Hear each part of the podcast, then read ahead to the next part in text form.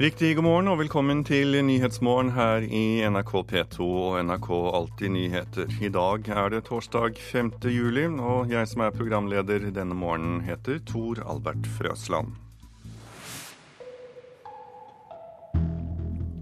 Vi skal starte med knivdrapet i Mandal i Vest-Agder i natt, for en mann er altså drept med kniv. Og reporter Thomas Grønvoll, hva mer kan du fortelle om det som har skjedd?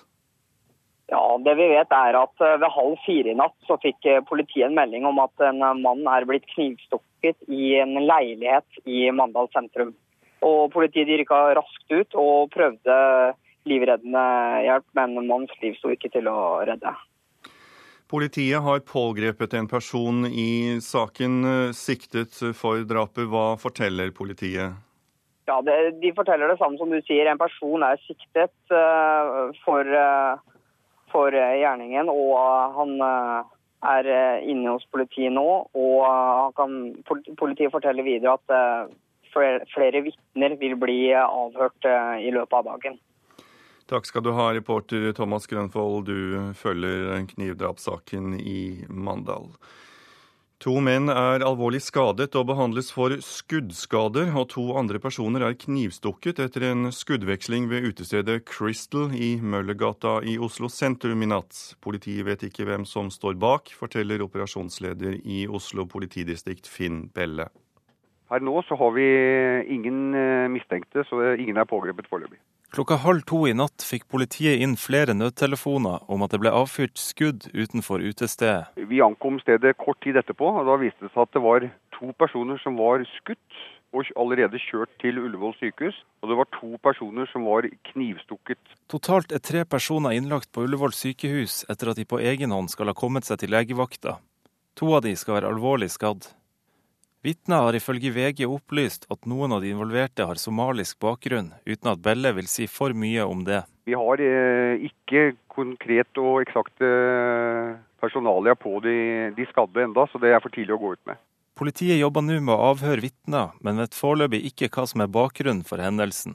Det sies av vitnene at det har vært en krangel eh, på et dansegulv i forkant, men om det har sammenheng med denne skyteepisoden, det vet vi ikke foreløpig. For bare noen få dager siden skal det ha skjedd en lignende hendelse ved det samme utestedet. Om den episoden settes i sammenheng med denne, det er også usikkert, men eh, det er klart vi, vi undersøker det også. Reporter var Ole Marius Rørstad og Anette Holt Hansen. Ett ord koster landet vårt nesten 200 millioner kroner hver dag. I går kveld gikk partene i oljestreiken fra hverandre nok en gang. Men nå er det altså kun ett ord som skiller partene fra hverandre. Det bekrefter forbundsleder Hilde Marit Ryst i Energiforbundet Safe. I den løsningen vi eh, foreslo, så var det ett ord det sto på. Ellers så tror jeg faktisk vi kunne finne en løsning. Partene i oljestreiken møttes i går kveld til nye samtaler ved Riksmeklerens kontor, men etter fem timer kunne de konstatere at de fortsatt var langt unna hverandre. Og det selv om essensen i uenigheten nå kun ligger på ett ord, forklarer forbundsleder Hilde Marit Ryst i Energiforbundet Safe. Ordet var ytelse. Og med de tre enkle stavelsene fortsetter streiken som Oljeindustriens Landsforening mener koster AS Norge rett under 200 millioner kroner hver dag.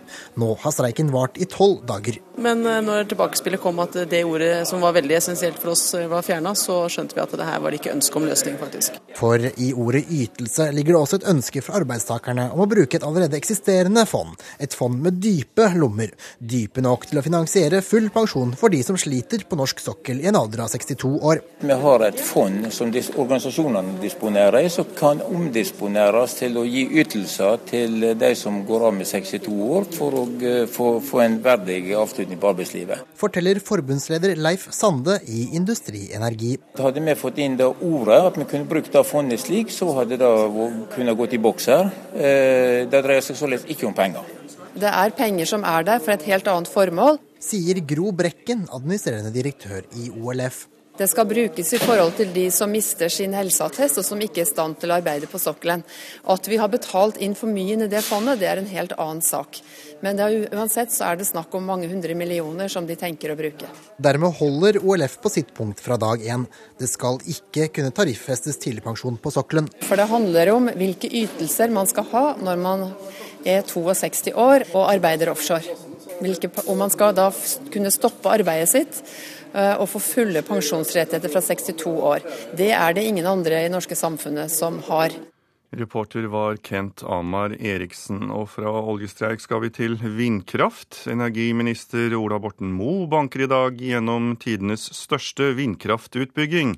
Vindmøllene sør i Rogaland kommer til å produsere mer kraft enn den samlede produksjonen vi allerede har av vindkraft her i landet.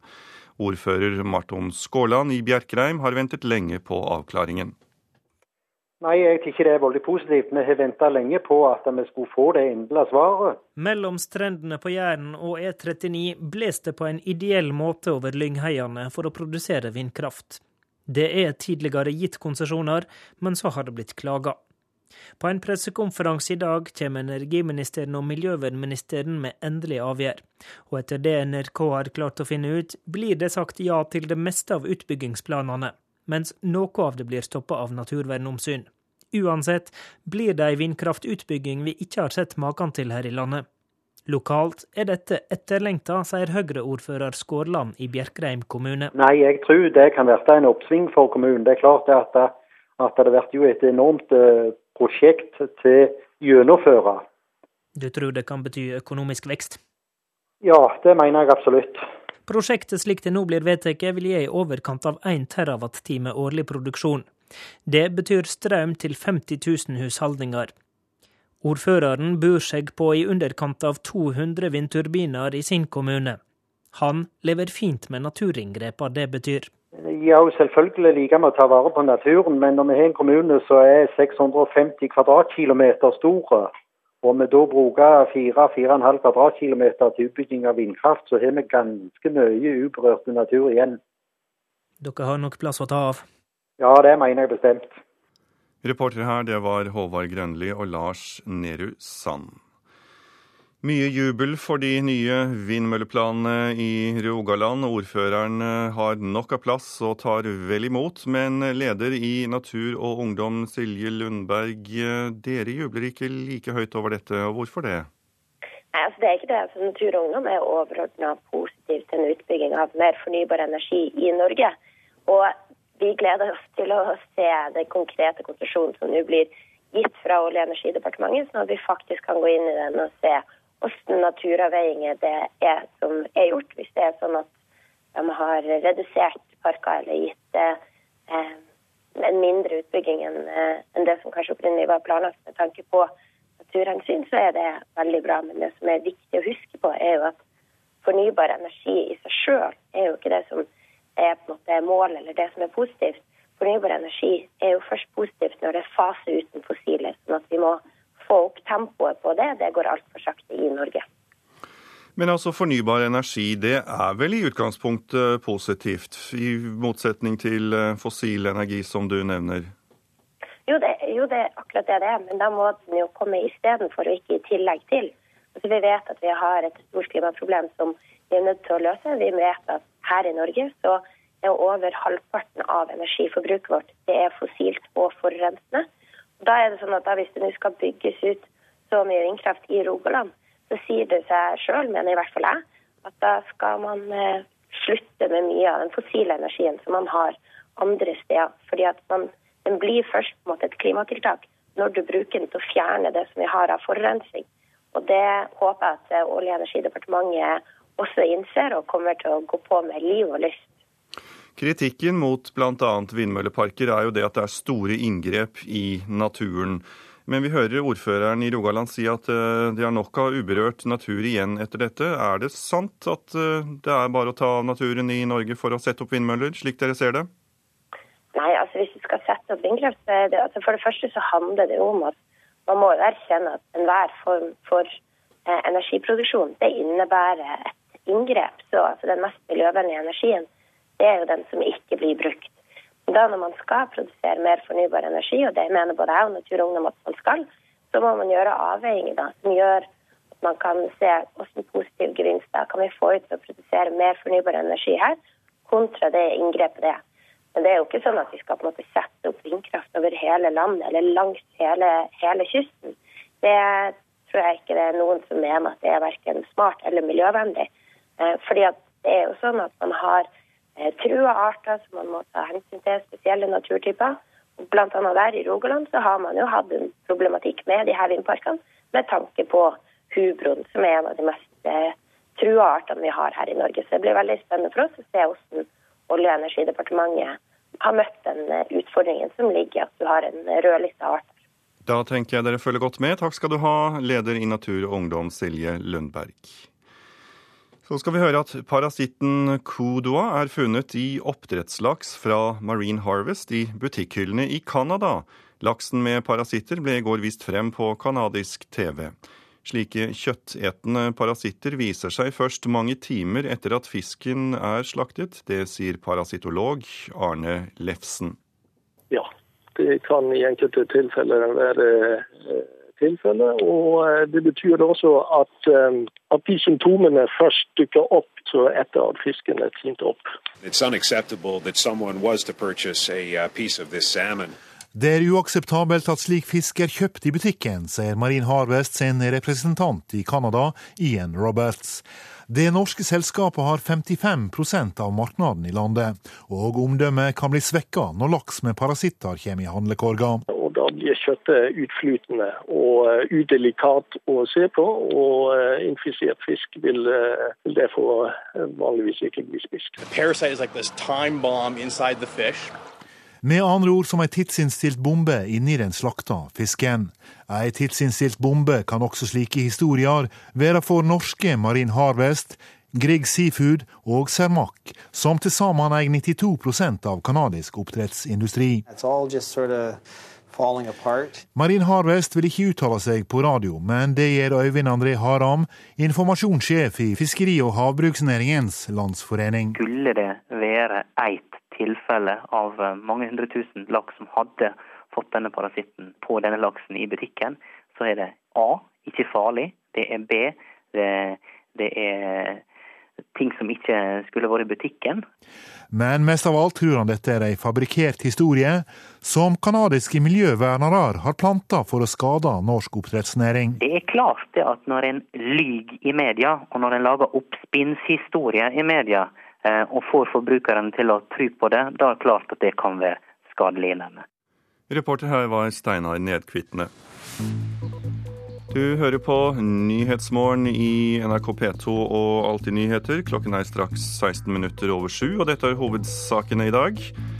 En person er knivdrept i Mandal i Vest-Agder i natt, og en person er pågrepet og siktet for drapet.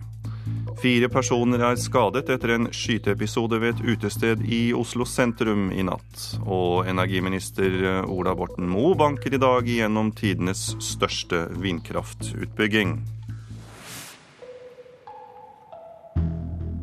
Da skal det handle om sykling her i Nyhetsmorgen, for mens det er mange gode grunner til at flere bør sykle oftere, så foreslår Vegvesenet å bruke mindre penger på sykkelveier neste år. Staten er eh, langt fra å nå sine egne mål for utbygging av sykkelveier. Da er det uforståelig at de vil bruke mindre penger på dette neste år. Det sier generalsekretær Rune Jøs i Syklistenes Landsforening. For å si det rett, Jeg ble veldig skuffet, for her er det jo ikke en økning i det hele tatt. Her er det faktisk en redusert innsats fra i år. I år så skal man bruke rundt 300 millioner kroner. Det er da redusert til nesten 200 millioner kroner neste år. Det skal bli tryggere å sykle. Og regjeringa har lovt å doble investeringen i sykkelvei. Imens har Vegvesenet bare bygd litt over halvparten så mye sykkelvei som de skulle. Og neste år foreslår etaten å gjøre enda litt mindre. Altså, alle snakker jo om at vi må sykle mer, men det forslaget som Statens vegvesen har lagt fram her, gir jo et helt annet signal. Men det er jo bare et forslag fra Vegvesenet? Dette er et forslag, men eh, det vi har sett de siste årene er at dette forslaget blir mer eller mindre tatt til følge av, eh, av regjeringen. Så at dette her er et varsel om en, en kraftig nedprioritering av sykkelsatsingen. Det er ikke lett å få bygd sykkelveier når planene og vedtakene ikke er på plass. Det er forklaringa fra avdelingsdirektør Anne Ogner i Vegdirektoratet. Vi manglet godkjente reguleringsplaner, eh, vedtak på det. Og som følge av det så får vi heller ikke gjennomført grunnerverv og vi har faktisk også opplevd at eh, grunnforholdene har vært vesentlig dårligere enn det vi trodde når vi jobbet med det i 2008. Men hva er grunnen til at dere foreslår å skjære kraftig ned på sykkelveibygginga neste år? Budsjettet for 2013 er ikke lagt, så det er for tidlig å si noe om. Statsminister Jens Stoltenberg slo et slag for mer sykling da han presenterte klimameldinga i vår. At vi sykler mer er et kraftig undervurdert klimatiltak. Hensynet til folkehelsa er en annen viktig grunn til at Stortinget har vedtatt å doble sykkeltrafikken de neste sju årene. Men innsatsen står ikke i forhold til dette målet, sier Rune Jøs. Nei, altså det her går bare tregere og tregere og tregere. Man bruker mindre penger, og man får stadig mindre sykkelvei ut av de pengene man bruker. Reporter var Kjartan Røslett. Jorodd Asphjell, du er medlem av helse- og omsorgskomiteen på Stortinget, og også medlem av Arbeiderpartiets sykkelgruppe. Tregere og tregere og tregere, hører vi. Hva syns du om at Statens vegvesen foreslår å skjære ned på sykkelinvesteringene neste år? Det, det syns jeg er veldig beklagelig. Eh, når regjeringa har satt seg et mål om at vi skal doble satsinga på sykkelveier opp mot 600 millioner, og da redusere det fra 320 millioner i 2012 til 230 millioner som er foreslått av Statens vegvesen i 2013, så er det helt i gal retning.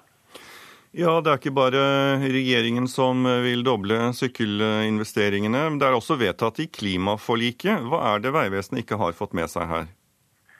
Nei, Det tyder jo på at det ene er klimaforliket at vi ønsker å ha bedre sykkelveier, så folk kan bruke sykkel og bruke fotene istedenfor å kjøre bil til og fra arbeid. Ikke minst eh, og barn og ungdom som skal på skole. Så handler det jo ikke minst om det her med nye folkehelseloven, hvor vi ønsker å satse på gang- og sykkelveier, så folk kan altså bruke kroppen i langt større grad enn i dag. En av de største utfordringene vi har i Norge i dag, det er inaktivitet. Derfor er det viktig å tilrettelegge sånn at folk kan bruke sykkel på arbeid. Men et statlig organ som Vegvesenet de kommer jo som regel med forslag etter å ha fått beskjed fra regjeringen om hvor landet ligger rent økonomisk. Kan det være at de har fått en beskjed fra regjering, den regjeringen du er eh, medlem av om at det skal kuttes eh, neste år? Nei, det tror ikke jeg. For eh, som innslaget sa, så sa Jens Stoltenberg at her er det viktig at vi satser på gang- og sykkelveier som en del av klimameldinga. Men det er også en del av den nye helsereformen, samhandlingsreformen. Så er det viktig at vi også skal bedre den fysiske aktiviteten blant folk. Så det her må være stikk i strid hva regjeringa har sagt og hva regjeringa mener i den sammenhengen.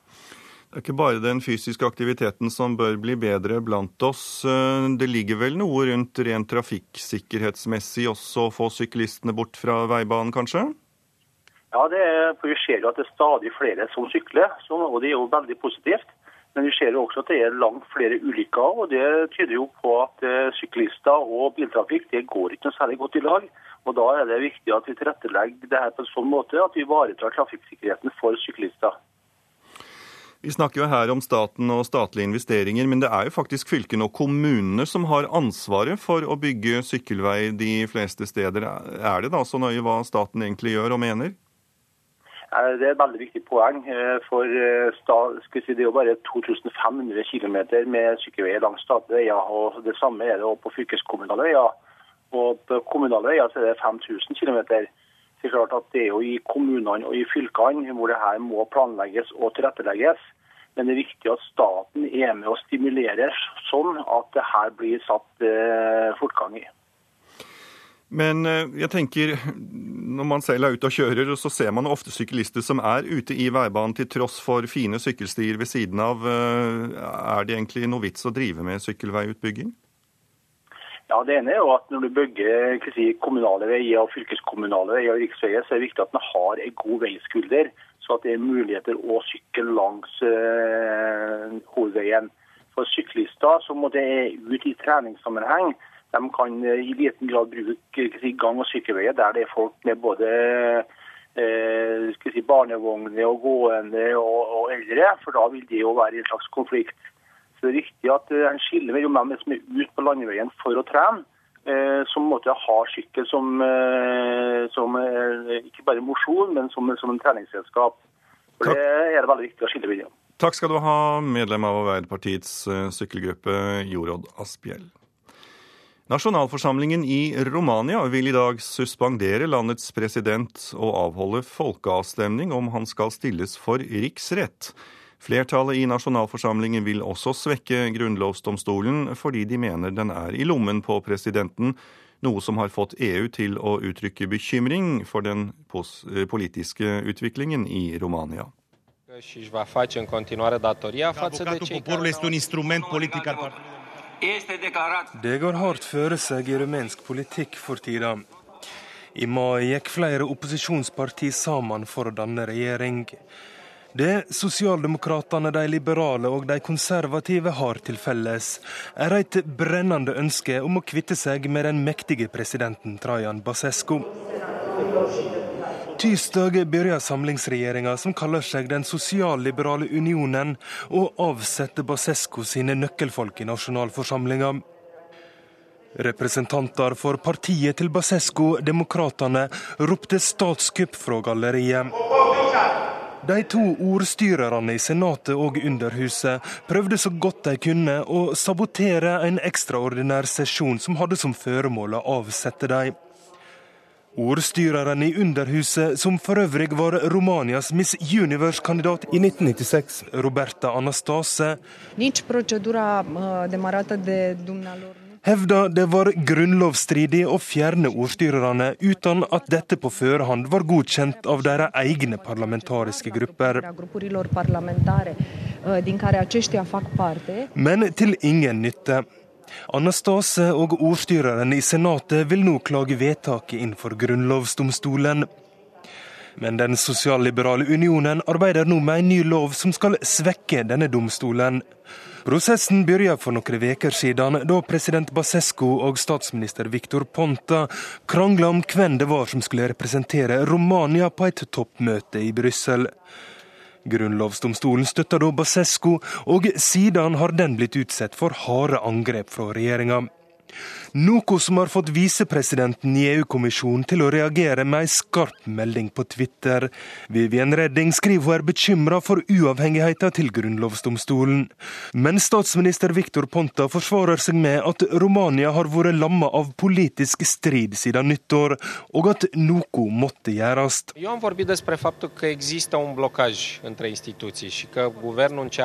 Nå begynner han en prosess for å stille den tidligere sjøkapteinen Basescu for riksrett.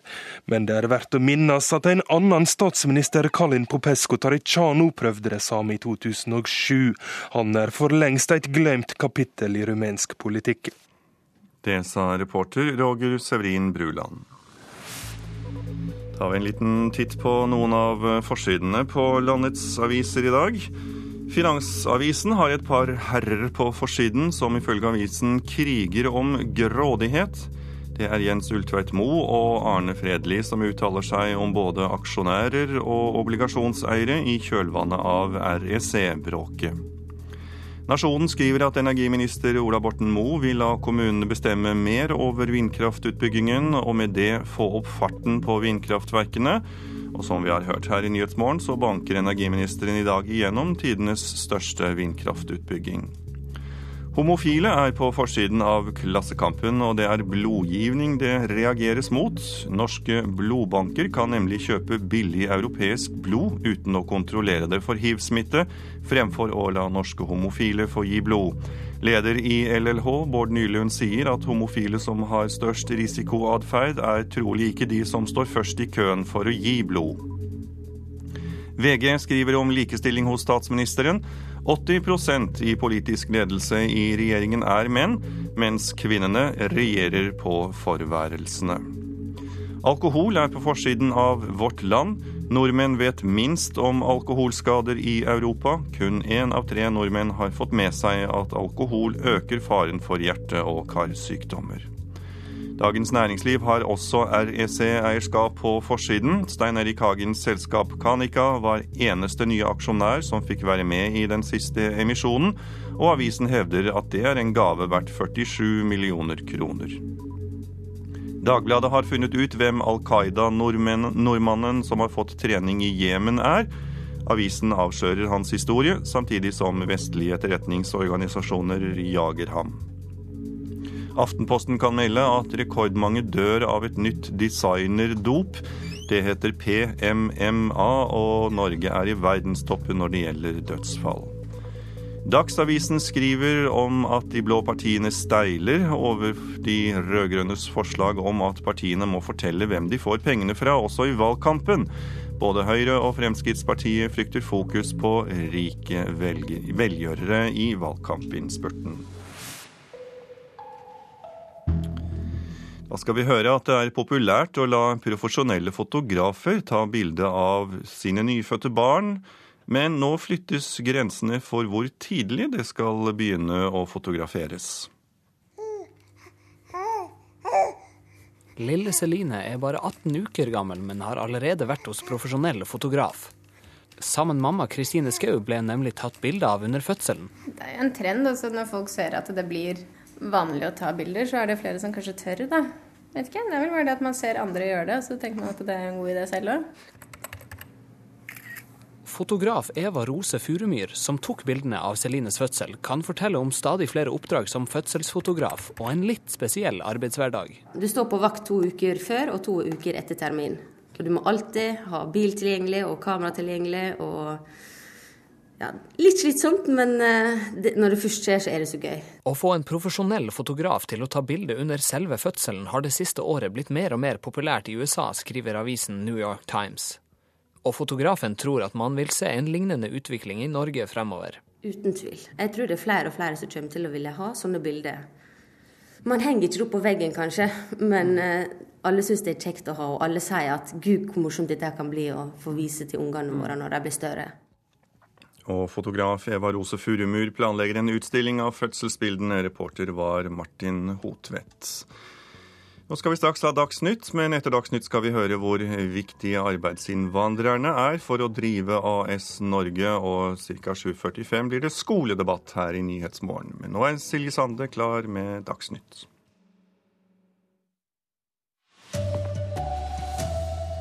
En person er pågrepet etter knivdrap i Mandal i natt. I dag sier energiministeren ja til tidenes største vindkraftsatsing her i landet. Og politikerne vil at flere skal sykle, men Vegvesenet kutter i sykkelveibygginga. God morgen, her er NRK Dagsnytt klokka 7.30. Først til Mandal i Vest-Agder. Der er det altså satt i gang drapsetterforskning etter at en mann ble drept med kniv i natt. Og reporter Thomas Grønvold, hva kan du fortelle om det som skjedde? Ja, det, altså Politiet fikk en melding klokka fire i natt om at en mann var knivstukket i en leilighet i, i Mandal sentrum. Og de rykket raskt ut og prøvde å, å redde mannens liv, men uh, det sto ikke til å redde. Og Det var også flere personer til stede i, i leiligheten, og disse vitnene vil bli avhørt i løpet av dagen. Hva skjer i Mandal nå? Ja, Nå går politiet inn og ut av eh, leiligheten og venter på at krimteknikere skal komme og, og, sikre spor. Og det er altså en person som er pågrepet? Ja, det Politiet forteller at eh, en mann er eh, pågrepet og siktet, og, og politiet kjenner til eh, han fra før. Takk skal du ha, reporter Thomas Grønvoll. To menn er alvorlig skadde og er innlagde på sykehus med skuddskader etter bråk på en utestad i Møllergata i Oslo sentrum i natt. To andre får legebehandling etter å ha blitt stukne med kniv. Og Oslo-politiet har ikke pågrepet noen etter hendinga. Energiminister Ola Borten Moe banker i dag gjennom tidenes største vindkraftutbygging her i landet. Vindmøllene i Sør-Rogaland kommer til å produsere mer kraft enn dagens samla vindkraftproduksjon. Og ordfører Marton Skåland i Bjerkreim er en av de som er glade for å få ei avklaring. Vi har venta lenge på at vi skulle få det endelige svaret. Mellom strendene på Jæren og E39 bles det på en ideell måte over lyngheiene for å produsere vindkraft. På en pressekonferanse i dag kommer energiministeren og miljøvernministeren med endelig avgjør. Og etter det NRK har klart å finne ut, blir det sagt ja til det meste av utbyggingsplanene, mens noe av det blir stoppa av naturvernomsyn. Uansett blir det ei vindkraftutbygging vi ikke har sett maken til her i landet. Jeg tror det kan bli en oppsving for kommunen. Det er klart at, at det blir et enormt eh, prosjekt til gjennomføre. Sier Høyre-ordfører Skårland i Bjerkreim kommune. Ordføreren bor seg på i underkant av 200 vindturbiner i sin kommune. Han lever fint med naturinngrepene det betyr. Så har vi ganske mye uberørt natur igjen. Reportere Håvard Grønli og Lars Nehru Sand. Og den nye vindmølleparken må føre til tilsvarende store kutt i den norske produksjonen av fossil energi. Det krever leder i Natur og Ungdom, Silje Lundberg. Hvis det nå skal bygges ut så mye vindkraft i Rogaland, så sier det seg sjøl, mener i hvert fall jeg, at da skal man eh, slutte med mye av den fossile energien som man har andre steder. Fordi at man, den blir først på en måte et klimatiltak når du bruker den til å fjerne det som vi har av forurensning. Og det håper jeg at Olje- og energidepartementet også innser og kommer til å gå på med liv og lyst. Samtidig som politikerne sier de vil øke sykkelsatsinga, foreslår Vegvesenet å bruke mindre penger på sykkelveier neste år. Staten er langt fra å nå sine egne mål for bygging av sykkelveier. Da er det uforståelig at de vil bruke mindre penger på dette neste år. Det sier generalsekretær Rune Jøs i Syklistenes Landsforening. For å si det rett Jeg ble veldig skuffet. I år så skal man bruke rundt 300 millioner kroner. Det er da redusert til nesten 200 millioner kroner neste år. Det skal bli tryggere å sykle, og regjeringa har lovt å doble investeringene i sykkelvei.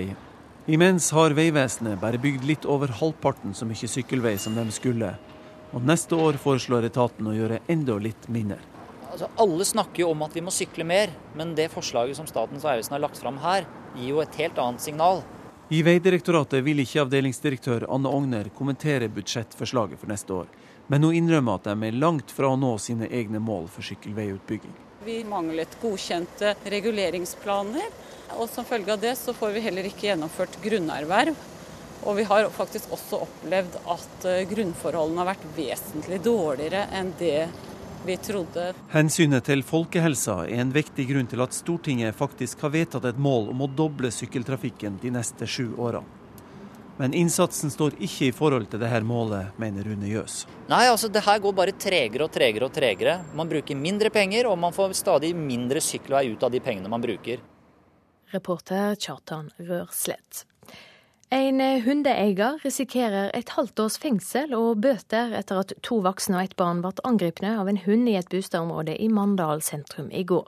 Toåringen og ei 22 år gammel kvinne hadde så alvorlige skader at de måtte behandles på sykehus. Det forteller operasjonsleder i Agder-politiet, Ingrid Mære. Eh, det som har skjedd eh, i Mandal, eh, nesten i sentrum i et boligområde, så er det tre hunder som har angrepet tre personer. Og så er det to personer som er sendt til Sørlandet sykehus i Kristiansand med alvorlige skader. Og vi har tatt beslag i hundene og pågrepet hundeeier foreløpig. Det er foreløpig ikke klart hva som skjedde før angrepet, men ifølge politiet fikk den 22 år gamle kvinnen dype bittskader i arm, mens den snart tre år gamle gutten ble bitt i ryggen.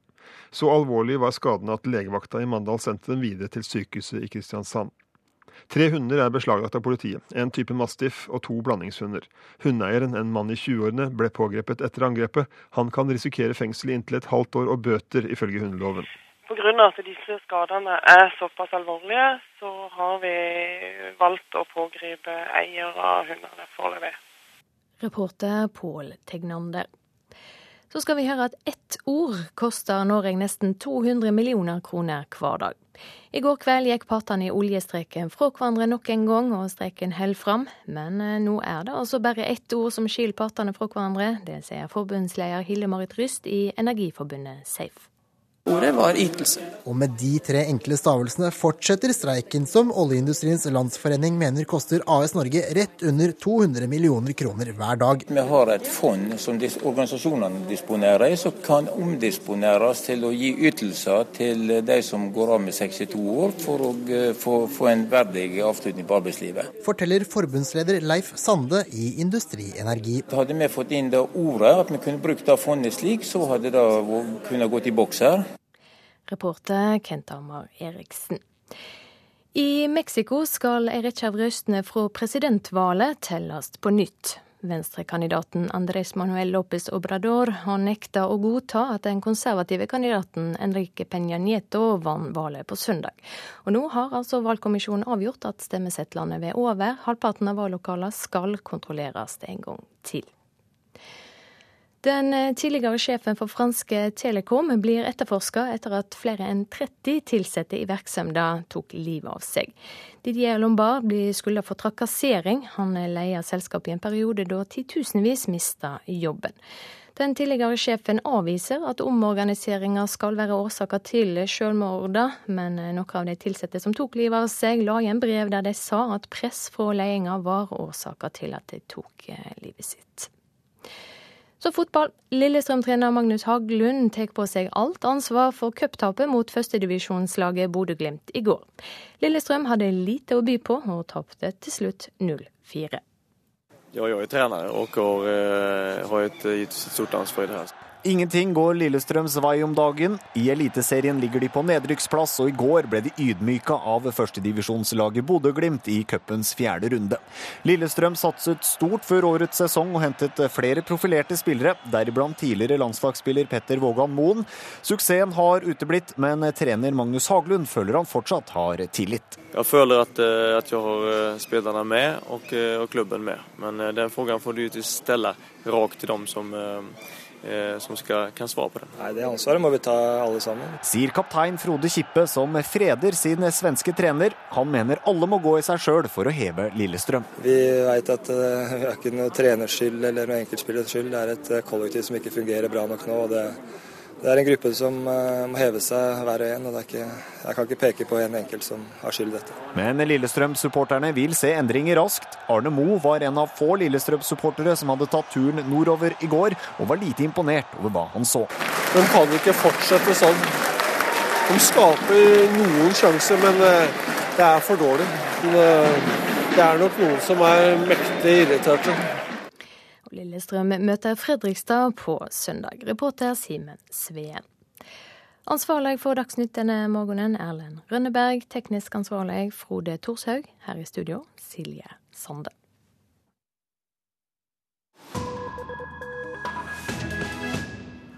Og her i Nyhetsmorgen skal vi høre at AS Norge trenger arbeidskraft. Det har medført at den tradisjonelle debatten om innvandring ikke lenger bare handler om flyktninger, men også om mennesker som jakter på arbeid. Men dette er en debatt der Norge glimrer med sitt fravær, skal vi tro bistandskonsulent Trygve Nordby. Nei, Norge har ikke meldt seg på denne debatten. Eh, Norad og Bistandsdepartementet er praktisk talt helt fraværende. Vi har hatt et par tendenser til noen småprosjekter. Eh, men eh, det ser ut som vår tradisjonelle bistand på ingen måte har oppdaga kraften som ligger i å koble migrasjon og utvikling. Trygve Nordby har hatt en rekke forskjellige jobber der mennesker som av forskjellige grunner flytter på seg, har vært i fokus. Nå er han opptatt av arbeidsmigrasjon. Drøyt 200 millioner mennesker bor i dag i andre land enn sitt eget. En forsvinnende liten andel er flyktninger. Men rundt 70 millioner av disse menneskene kommer fra fattige land i den tredje verden for å søke jobb i utviklede land. Hovedhensikten er som oftest å sende penger hjem til familien, noe som skaper ringvirkninger og aktivitet i lokalsamfunnet. For det er ikke sikkert at alle vil bli nordmenn. Mange ønsker kanskje å bo her noen år for så å vende hjem, men da gjerne, eller kanskje aller helst, med mulighet til å komme tilbake til Norge. Men det som kalles sirkelmigrasjon på fagspråket, det er nesten umulig i henhold til norske lover og regler.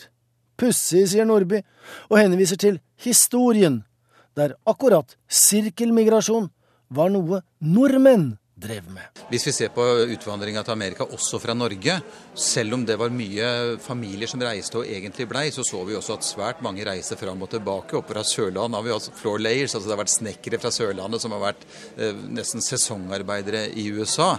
Så, så, vi har jo også hatt eh, disse, i hvert fall dette fenomenet, men vi har aldri egentlig utvikla det. Og, og, vårt eh, regelverk for innvandring til Norge er ekstremt eh, statisk. Du skal liksom nesten velge om du vil bo hjemme eller komme til Norge. Du må velge statsborgerskap. Prosentvis er det Mexico og Filippinene som har størst andel av sitt lands befolkning i utlandet. Og de lar det altså skje. For summene som nærmere ti millioner utenlandsfilippinere sender hjem årlig, er betydelige, sier Imelda Nicolas. Hun representerer myndighetene i Manila, og nylig var hun i Norge for å ivareta sine landsmenns interesser. We have a very complicated government machinery. We have all the laws that are needed to promote and protect the interest of uh, and the rights of our overseas Filipinos. Men dette er kontroversielt, for fra tid til annen så skjer det jo noe. Filippinere blir diskriminert. Dette slås da stort opp i filippinske medier, og myndighetenes positive holdning til utflytting blir kritisert. That's why we keep on emphasizing that we are not encouraging migration. Filippinene forsøker å se positive sider ved det som i bunn og grunn er et gigantisk problem. Lærere og sykepleiere, folk med påkostet utdannelse og som kunne gjort god nytte for seg i hjemlandet, reiser ut og jobber som hushjelper fordi de snakker engelsk, men får altså ikke utnyttet kunnskapene sine. Men lønna kompenserer, sier Imelda Nichols, og innrømmer at i siste instans så koker alt ned til penger.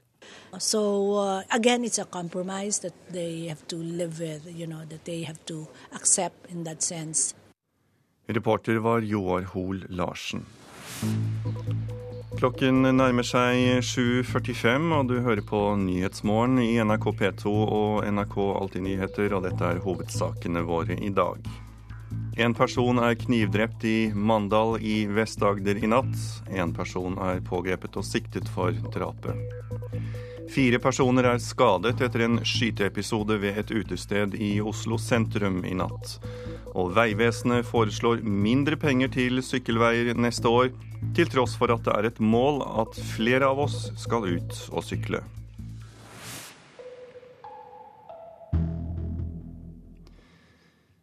Ungdomspartiene har ikke bare blitt større, de har fått langt mer politisk makt siste året. Det mener professor i sammenlignende politikk ved Universitetet i Bergen, Frank Aarebrot. I går samlet ungdomspolitikerne seg i et boligopprør, og den yngre guide har markert seg i flere saker de siste månedene. Hallo, 24. Yes. Det er lunsjpause fra laben i etasjen over. Medisinstudent Sindre Horn har sommerjobb på Haukeland universitetssykehus. Men å bli lege er bare hobby, ifølge han sjøl. Det er vervet som fylkesleder i Unge Venstre som er viktigste oppgave nett nå. Altså, det, er jo, eh, det er jo gøy å være politiker med gjennomslag. For ungdomspartiet vokser seg stadig større. Siste året har medlemstallet økt med nesten 20% og 21-åringen merker at han har større slagkraft i moderpartiet. Det er fantastisk den der eh, følelsen, å kunne føle at ja, man er uenige, men du blir tatt alvorlig. Og det er en gjensidig respekt. Både at Unge Venstre respekterer eh, mennesker i moderpartiet som er uenige med deg, og mennesker i moderpartiet som er uenige med deg, respekterer deg. Og så blir du ferdig med debatten, og så vinner du, eller så taper du ved et vedtak. Det er fantastisk. Snart ett år etter 22.07 har det kommet til flere tusen nye AUF-ere. Men også Sosialistisk Ungdom, Senterungdommen, KrFU, FPU og Unge Høyre holder fram med å vokse og markerer seg oftere i nyhetsbildet enn før. Dagens eh, boligpolitikk er en katastrofe. Dagens system er urettferdig fordi at det eh, favoriserer Bustadopprøret i går er et dømme på at ungdommen har fått mer politisk makt etter Utøya, mener valgforsker Frank Aarebrot. Eh, ungdomspolitikerne har nok en, både en større maktbasis og kan si ting uimotsagt eh, med større autoritet nå for ifølge Aarebrot har ungdomspolitikerne høyere status hjå folk flest, men også i eget moderparti. Det som skjer ofte, er jo at når ungdomspolitikere kommer med utspill som går litt for langt, så er liksom moderpartiet raskt ute og sier at ja, men dette er noe ungdomsorganisasjonen mener, dette mener ikke nødvendigvis vi. Det ser du lite av nå. Og det tror jeg er en effekt av Utøya. Altså det er slik at ungdomspolitikerne har fått en slags nimbus, en slags, uh, en slags skjold rundt seg som gjør at eh, moderpartiene er litt forsiktige med å daske på dem. Men ungdomspartiene kjenner seg slett ikke freda. De har bare fått mer motivasjon til å markere seg, sier leder i Unge Høyre, Paul Joakim Sandøy. Det at vi har blitt flere og større, har gitt oss mer selvtillit og, og gitt oss en bevisstgjøring om at vi Eh, skal ikke bare gå rundt og dele ut flyers og vinne valg. Vi skal også være dem som kommer med nye ideer til, til moderpartiene våre. Og i medgang vokser optimismen. Det er ikke grenser for hva Unge Venstre kan oppnå, skal vi tro fylkesleder i Hordaland, Sindre Horn. Når vi kommer i regjering i 2013 og i byrådet i 2015, så skal du se det blir eh, motivasjonen. Om man er på topp nå, så kommer det til å bli enda over, over toppene. Reporter var Trude Bakke. Som vi hørte i Dagsrevyen i går, så trosser Høyre regjeringen og publiserer resultater fra de nasjonale prøvene, der skolene blir rangert på en egen nettportal. Men selv om Kunnskapsdepartementet ikke setter pris på dette, har de ingen mulighet til å stoppe det. Og jeg har fått besøk i studio av Torger Ødegård, som er skolebyråd for Høyre i Oslo kommune, og Snorre Valen, som er utenrikspolitisk talsmann for SV. Velkommen. Ødegård, hvorfor skal alle få vite hvordan den enkelte skole gjør det på de nasjonale prøvene? Fordi det er en nøye sammenheng mellom å ha kunnskap om skolen og tilføre mer kunnskap til elevene og skolen. Og jeg vil stille spørsmålet nærmest tilbake. Hvordan kan det ha seg at noen i 2012 virkelig mener at man skal hemmeligholde eh, resultater om elevenes læring på skolenivå? Vi vet i Norge at det er enorme variasjoner i læringsresultater fra skole til skole. Eh, fra kommune til kommune, fylke etter fylke. Eh, læringsresultater som ikke kan forklares i elevflokk, resultat eller ressursforskjeller osv. Det er utrolig viktig å få frem denne informasjonen. Vi har praktisert dette i Oslo i veldig mange år. Jeg mener at uh, dette er kommet for å bli. Det fine med kunnskap er at det kan ikke avoppfinnes. Jeg tror ikke foreldre vil finne seg i uh, å ikke få kunnskap og informasjon om hvordan situasjonen er på uh, den enkelte skole. Så mener jeg at også den interesserte offentligheten bør ha kunnskap og kjennskap til hvordan elevene våre presterer i realfag og i norsk og engelsk på hver enkelt skole. Snorre Valen, hvorfor skal vi ikke få vite om dette? Ingen som heter man ikke skal få vite av det. Og det stemmer jo ikke at uh, prøveresultatene hemmeligholdes. De er offentlige, og derfor så er det ikke så mye vi har tenkt å gjøre med at uh, Ja, Men full offentlighet er det vel egentlig ikke? For hver og en kan ikke gå inn og sjekke hvordan skolene gjør det? Det er fordi eh, prøvene ikke egner seg for å sammenligne fra skole til skole. Eh, og Det er for det første fordi du ikke kan bruke prøvene til å måle trender over tid. Det er de ikke faglig laga for å gjøre. Og for det andre fordi variasjonene mellom bydeler, variasjoner geografisk, sosial bakgrunn har mye å si. Og det betyr at en skole kan gjøre det helt middels i forhold til landsgjennomsnittet eh, på en nasjonal prøve, men likevel ha veldig gode lærere som gjør en veldig god jobb. Det de nasjonale prøvene er til for, da Høyre innførte de, så var det jo av dårlig faglig kvalitet, og, og debatten var prega av mye uro, massive protester fra elever og lærere. Det gjorde vi noe med, og det betyr at prøvene i dag er et nyttig verktøy for lærere og elever lokalt, og skoleeierne og de som er ansvarlig for skolen. Nå sier eh, Valen her at disse prøvene ikke egner seg til sammenligning. Likevel skal de offentliggjøres. Hvorfor? Ja, Vi har offentliggjort eh, prøveresultater i Oslo på skolenivå eh, i mange år. Vi kommer til å fortsette med det så lenge Høyre styrer byen. Og jeg håper også at dette blir nasjonal politikk i Norge eh, om et år. Jeg syns det er pussig at Arbeiderpartiet, det ledende partiet i eh, den nåværende regjeringen, faktisk er tilhengere av å hemmeligholde resultater på skolenivå. Det er avgjørende viktig at vi får kjennskap til om elevene våre lærer seg de fire regneartene, hvordan går det med utviklingen i leseferdigheter osv. Ja, men hvem er dette så avgjørende viktig? Det er avgjørende viktig for Norge, fordi i fremtiden så skal vi leve av innbyggernes kunnskap. Ikke bare i fremtiden, vi lever av innbyggernes kunnskap nå også. Jeg mener at vi skal kunne sitte i dette studioet og diskutere hvordan går det med leseferdighetene, med regneferdighetene til elevene. Jeg som pappa til to barn skal selvfølgelig ha mye informasjon om hvordan det er på den skolen de, de, barna går. Og jeg mener at det bør være diskusjoner og debatter rundt om i landet om hvordan skolen utvikler seg. Det er absurd, jeg vil nesten bruke så sterkt uttrykk, det er absurd at man stiller seg i spissen for å hemmeligholde læringsresultater på skolenivå når vi vet hvor viktig dette er. Ja, går med gjerne hisse seg opp, men det er jo sånn at flere aviser allerede trykker rangeringer over skoler fordi de henter ut disse resultatene som er offentlige. Så dette er jo bare polemikk fra Høyre. Så er det jo sånn at vi har et sett med prøver som gjør det mulig å si noe om hvordan nivået på norsk skole er over tid. Og det er PISA-undersøkelsene som er internasjonale.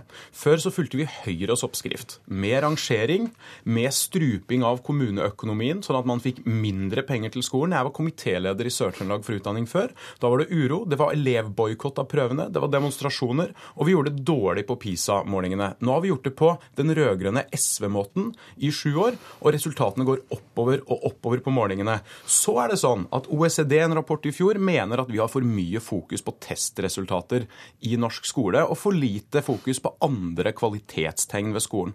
Og Det er jeg helt enig i. Og det Høyre bidrar til med, med de grepene her, som de gjerne må gjøre, og som de sikkert syns er veldig morsomme politiske poenger, det er at de bereder grunnen for sin skolepolitikk, som ikke bare går ut på å rangere skoler, men som også går ut på såkalt fritt skolevalg, der de mest ressurssterke får mer valgfrihet, som åpner for mer privatisering, og der du skal kunne tjene penger og profitt på skolen, slik Michael Tetzschner gikk ut med for noen dager siden. Det er når du ser helheten i Høyres skolepolitikk, at du ser resultatene av dette, og da er det bare å til Sverige og se hva som skjer der. Der er resultatene i skolen i fritt fall etter Høyres oppskrift. Men uansett hvilken side av politikken man står på, og hvordan man vil drive skolepolitikken, så tror jeg vi alle kan være enige om at skolen er et sted for læring. Ødegaard nevnte matematikk, vi har også selvfølgelig lesing og skriving. Men hvorfor Ødegaard, skal man i tillegg innføre konkurranseaspektet her? Skal unge poder og piker bli rene konkurransemaskiner?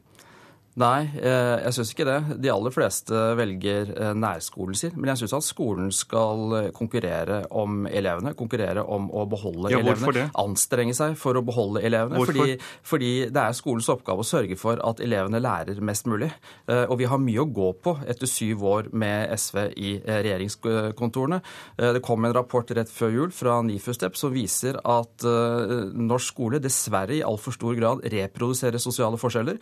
Altså det er dine foreldre foreldres utdannelsesnivå som i altfor stor grad avgjør om du lykkes på skolen. Jeg er glad for at den samme rapporten sa at Oslo i større grad enn andre kommuner greier å utjevne eh, sosiale forskjeller blant elevene. Men vi er ikke i mål, vi heller. Det er en lang vei å gjøre. Men er ikke dette bra? Å, å, gå.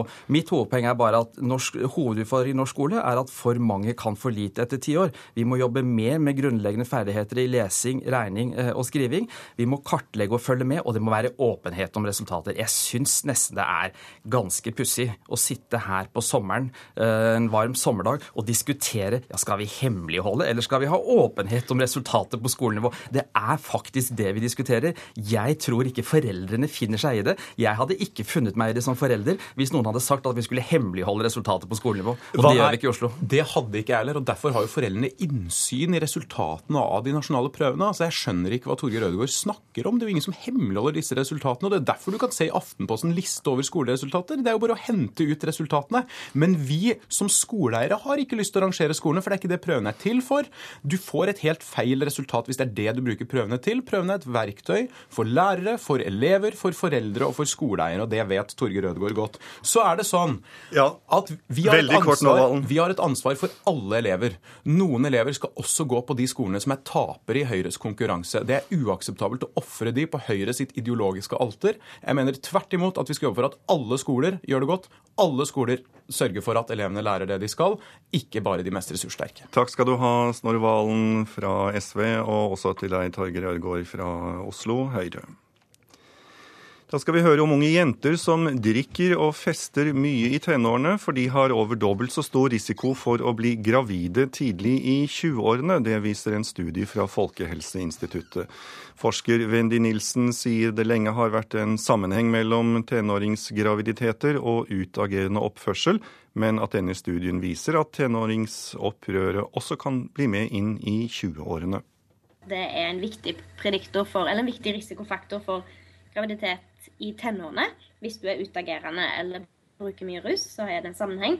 Og vi fant at det var også det når du så på graviditet i ung voksen alder um, og for uh, abort. Så vi fant jo at det var to til tre ganger større risiko for å ha blitt gravid hvis du hadde moderate til høye nivå av utagerende vansker og rusbruk, og fire ganger større risiko for uh, å ha rapportert abort i ung voksen alder. Sport nå. Keepere får altfor ofte frispark når de går ut i dueller. Det mener både dommer Svein Erik Edvardsen og vikingtrener Kjell Jonevre. Begge er enige om at vikingkeeper Rune Almenning Jarstein ikke fortjente frispark da Brann utlignet rett før full tid i gårsdagens cupkamp. Jeg opplever at den duellen er helt rein, og Odjo vinner duellen. og Jeg kan ikke blåse i frispark selv om eh, utespilleren vinner duell mot keeperen. Selv om skåringen til slutt sendte Viking ut av cupen, synes trener Kjell Jonevret det er helt greit at keeperne ikke alltid skal få rett innenfor 16-meteren. Som gammel spiss så eh, vil jeg at man skal få røre målvaktene, keeperne. For jeg syns at keeperne er altfor fridlysa normalt. Men dommerne bruker ikke tykke det, samme som jeg. Så det bruker alltid bli frispark. Men det var, det var sikkert ok. Det, jeg kan ikke laste Edvardsson for det her. Det her må vi klare på egen hånd. Vi blåser vel kanskje av og til for mange frispark til keeperen. Ikke at jeg hadde fokus på det, men for meg så vant Ojo den duellen klokkereint. Og da vil det være hårreisende av meg å anmelde en skåring som er god. Og han som tapte duellen, landslagskeeper Rune Almenning Jarstein, skyldte ikke på andre enn seg selv etterpå. Nei, det er klart det er surt. Det vi rykker ut i cupen og jeg gjør eh, en dårlig jobb på to første måla. Og det er klart det er, det er min skyld at vi ryker i dag. Det er bittert for de som har lyst til å se oss videre, og publikum og Stavanger-folk. Så det, det er bare å beklage. Reporter her, det var Lars Navestad. Da skal vi ha litt uh, værmelding her, og det gjelder frem til midnatt etter varselet da. Fjellet i Sør-Norge får delvis skyet enkelte regnbyger. Østlandet og Telemark får spredte regnbyger i indre strøk, ellers oppholdsvær og perioder med sol. Agder får det meste pent vær. Vestlandet sør for Stad. Fra om formiddagen stort sett pent vær, først i sør. Uttrykt for ettermiddagsbyger i indre strøk. Møre og Romsdal og Trøndelag. Skyet, forbigående litt regn. Fra om ettermiddagen opphold og litt sol i Møre og Romsdal. Nordland får etter hvert regn. Troms pent vær. Om kvelden regn i vest. Kyst- og fjordstrøkene i Vest-Finnmark får sørøstlig liten kuling og pent vær. Øst-Finnmark og Finnmarksvidda får i ettermiddag sørøstlig liten kuling i nord og pent vær. Nordensjøland på Spitsbergen får litt regn. Morgentemperaturene målt klokken sju. Svalbard lufthavn fem, Kirkenes og Vardø sju, Alta 11, Tromsø Langles 9, Bodø 16, Brønnøysund 18, Trondheim-Værnes 15, Molde og Bergen-Flesland 14, Stavanger 17, Kristiansand, Kjevik 15, Lillehammer 15, Røros 9 og Blindern i Oslo får, eh, har 18 grader. Ansvarlig for eh, sendingen denne morgenen er Erlend Rønneberg. Produsenten heter Ragnhild Bjørge. Teknisk ansvarlig er Frode Thorshaug. Og her i studio Tor Albert Frøsland.